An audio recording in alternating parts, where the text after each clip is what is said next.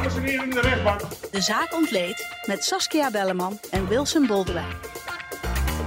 Hij plaatste die in seksadvertenties waarin hij ze aanbood dat ze in waren voor bondage, seks, dat ze gek waren op gangbangen. Een podcast van De Telegraaf. En in één geval stond er zelfs een man met een koffer op de stoep. Zo van, eh, In ik, de hoop eh, op een hete nacht. Een opmerkelijke zaak vandaag, die van digistalker Mathieu M. Hij viel tussen januari 2021 en april 2022 16 vrouwelijke hulpverleners lastig in de forensisch-psychiatrische klinieken waarin hij verbleef. Dat ging zo ver dat zij zich op een gegeven moment niet meer over straat durfden te begeven, omdat ze bang waren om herkend te worden door de seksadvertenties die hij plaatste. Saskia, welkom. Dank je. Voordat we het over eh digistalker Mathieu M gaan hebben, gaan we het eerst even hebben over dat Ridouan Taghi heeft een advocaat. En dat is niemand minder dan Michael Ruperti. Ja, dat was een, eh, een verrassende bekendmaking eh, die we kregen.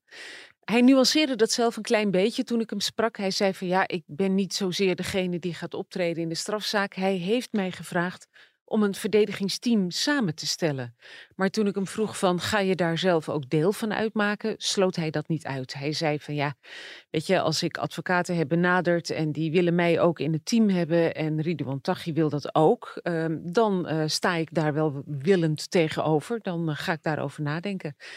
Ja, je mag ervan uitgaan als hij de opdracht van Taghi heeft geaccepteerd om advocaten, collega's te zoeken, dan eh, zal die er absoluut wel willend tegenover staan. Ja, en, en wie zijn dan die andere advocaten, dat team? En Taghi heeft ook al gezegd van, eh, geef mij mijn straf maar. Wat Ja. moet het hele team van advocaten dan doen? Nou ja, dat is op zich een beetje tegenstrijdig natuurlijk. Als je zegt van geef mij mijn leven zolang, want jullie hebben het vonnis toch al klaar. Ja, waarom zou je dan nog een heel team advocaten willen optuigen?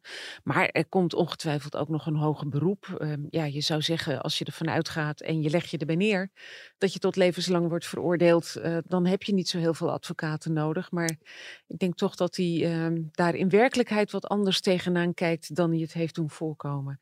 Dus ja, hij heeft eh, een aantal weken geleden al eh, Michael Ruperti eh, benaderd. En die is een paar keer bij hem op bezoek geweest. En inmiddels heeft hij, zegt hij, een aantal gerenommeerde advocatenkantoren benaderd. Waarvan een deel meteen nee zei, maar een deel niet meteen nee zei en er best over wilde nadenken. Ja, Dus ik denk dat we binnenkort wel een paar namen te horen gaan krijgen. om een of andere reden toen ik hoorde dat het Michael Ruperti was, Mhm. toen dacht ik van ja, dat is nou precies degene waarvan ik dacht, die zegt daar dan ja tegen. Waarom Eh, dacht je dat? Nou, omdat hij eh, altijd heel, eh, hij, hij duikt altijd heel specifiek op in hele specifieke rechtszaken. Ja. Hij doet natuurlijk altijd heel veel eh, eh, militairen, Ja. commando's. Ja. Waar veel gedoe mee is natuurlijk ook eh, de zaak met de commando, hè, die mogelijk betrokken was bij de Ja, organisatie. nou ja, dat maakt het ook eigenlijk een beetje raar, die keuze voor Ruperti. Want eh, hè, die die eh, eh, beschuldigd wordt van drugs- en wapensmokkel... en die zou hebben behoord tot het netwerk van Ridouan Taghi... kwam zelf met het verhaal in zijn eigen rechtszaak... dat hij was benaderd via via om Ridouan Taghi te neutraliseren, te vermoorden dus eigenlijk. eh, in de periode dat die nog voortvluchtig was en in Dubai zat. Nou ja, Ruperti stond hem bij, wilde eh, getuigen horen van de inlichtingendiensten. Dat is door de militaire kamer afgewezen. En toen heeft Ruperti de verdediging neergelegd van deze SIL A.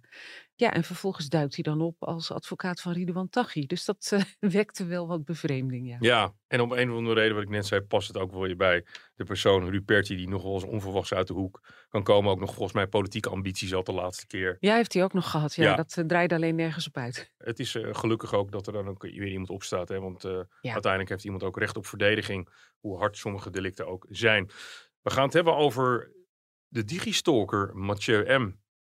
Een digistalker, ja, wat is daar de definitie van? Ja, ja, het is eigenlijk de hashtag die ik op Twitter koos. Omdat ik dacht, hoe vind ik een woord dat een beetje samenvat wat die man heeft gedaan. Het ging om een, eh, een 40-jarige man die eh, een historie heeft van het stolken en het hacken van eh, social media accounts van anderen. Hij is drie keer eerder veroordeeld geweest. En eh, ja, hij is ook de man die bijvoorbeeld in 2018 werd veroordeeld. omdat hij de, de social media accounts van bekende Nederlandse vrouwen had gehackt. Nou, hij heeft daar een gevangenisstraf voor gekregen. Hij liep zelfs nog in de proeftijd daarvan en ook nog van een andere veroordeling. Ja, Hij zat in een forensisch-psychiatrische kliniek. Nou, dat geeft al aan hè, dat er een, een probleempje is met zijn geestvermogens. Dus hij werd in de forensisch-psychiatrische klinieken in Assen en in de Woensel Support in Eindhoven behandeld voor ja, zijn psychische problemen, waardoor hij iedere keer weer in herhaling valt. Daar is er al een veroordeling van. Ja, En vervolgens continueert hij het. precies. Althans, daar wordt hij van verdacht. Ja, exact. En dan ook nog eens in dit geval van het, het digitaal stolken van zijn eigen hulpverlensters.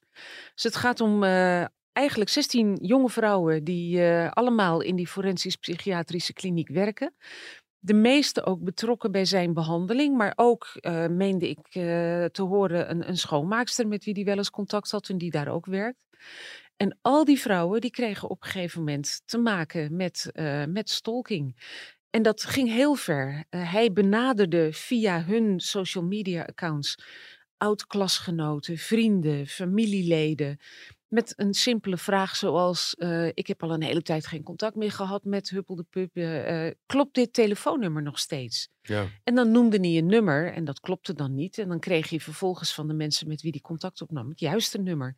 En soms ook de adresgegevens. Het was dus eigenlijk heel simpel. En wat deed hij dan vervolgens?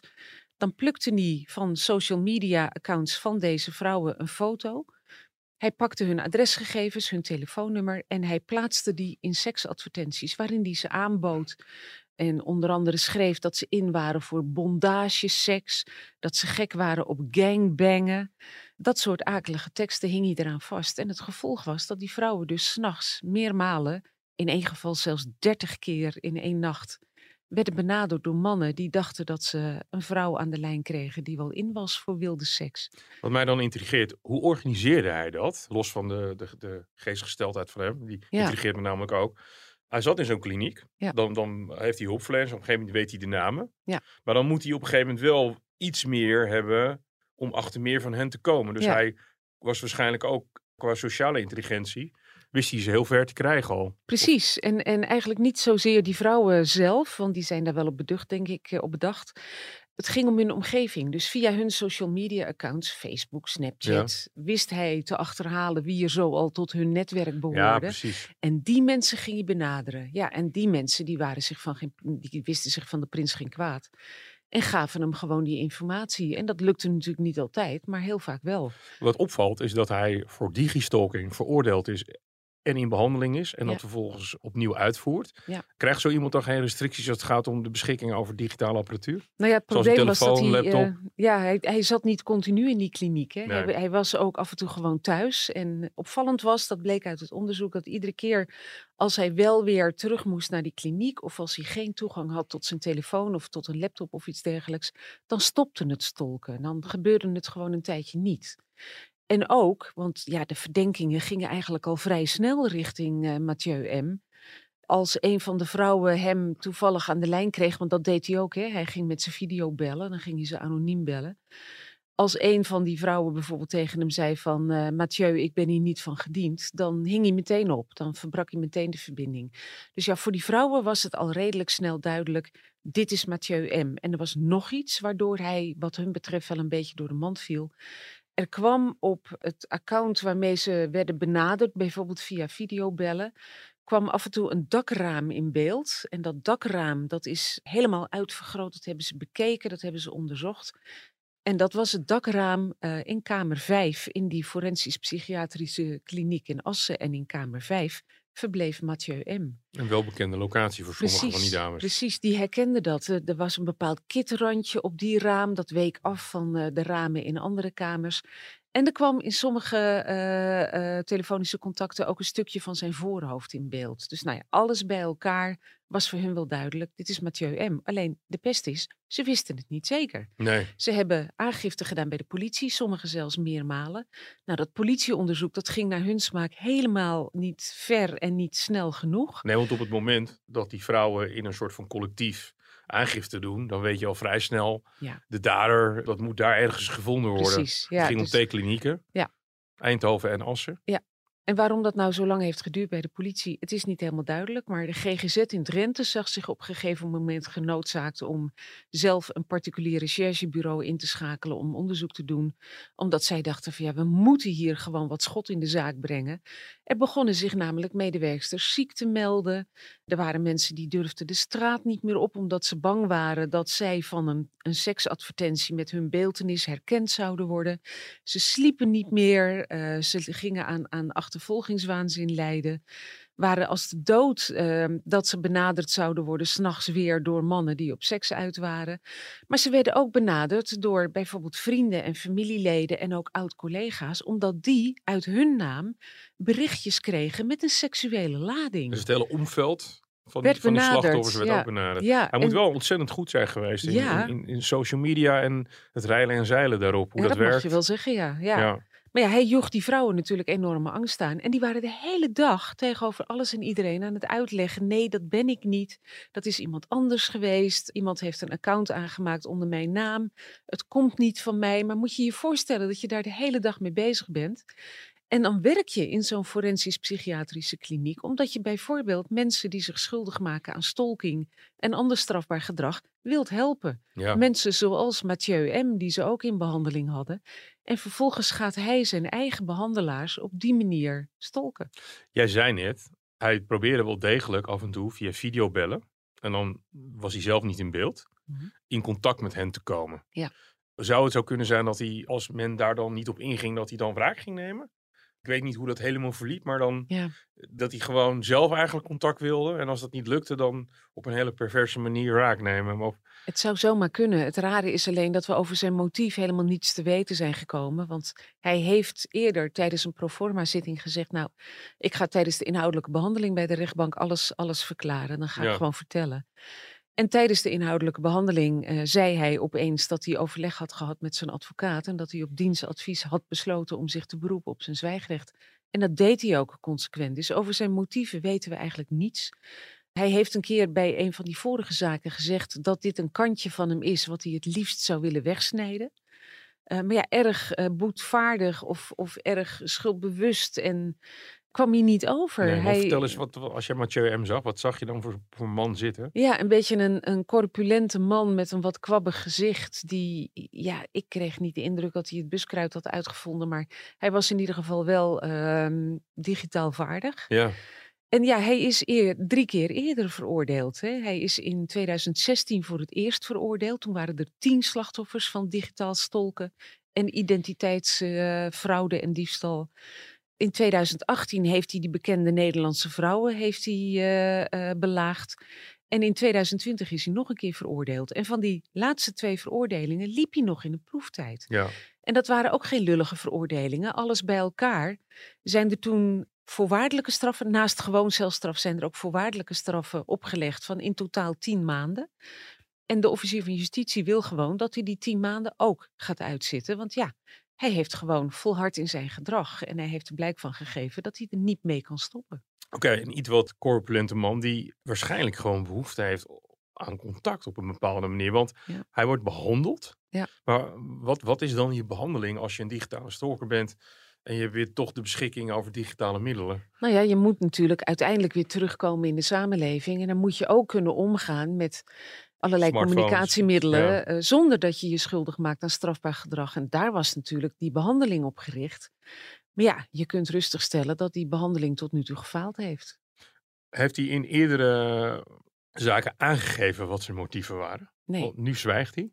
Ja. Of misschien kan hij het helemaal niet uitleggen? Ja, dat zou heel goed kunnen. En een van de rechters probeerde hem ook te, ja, uitspraken daarover te ontlokken. Die zei ook van ja, is het omdat je je schaamt? Is het omdat je bang bent voor gezichtsverlies?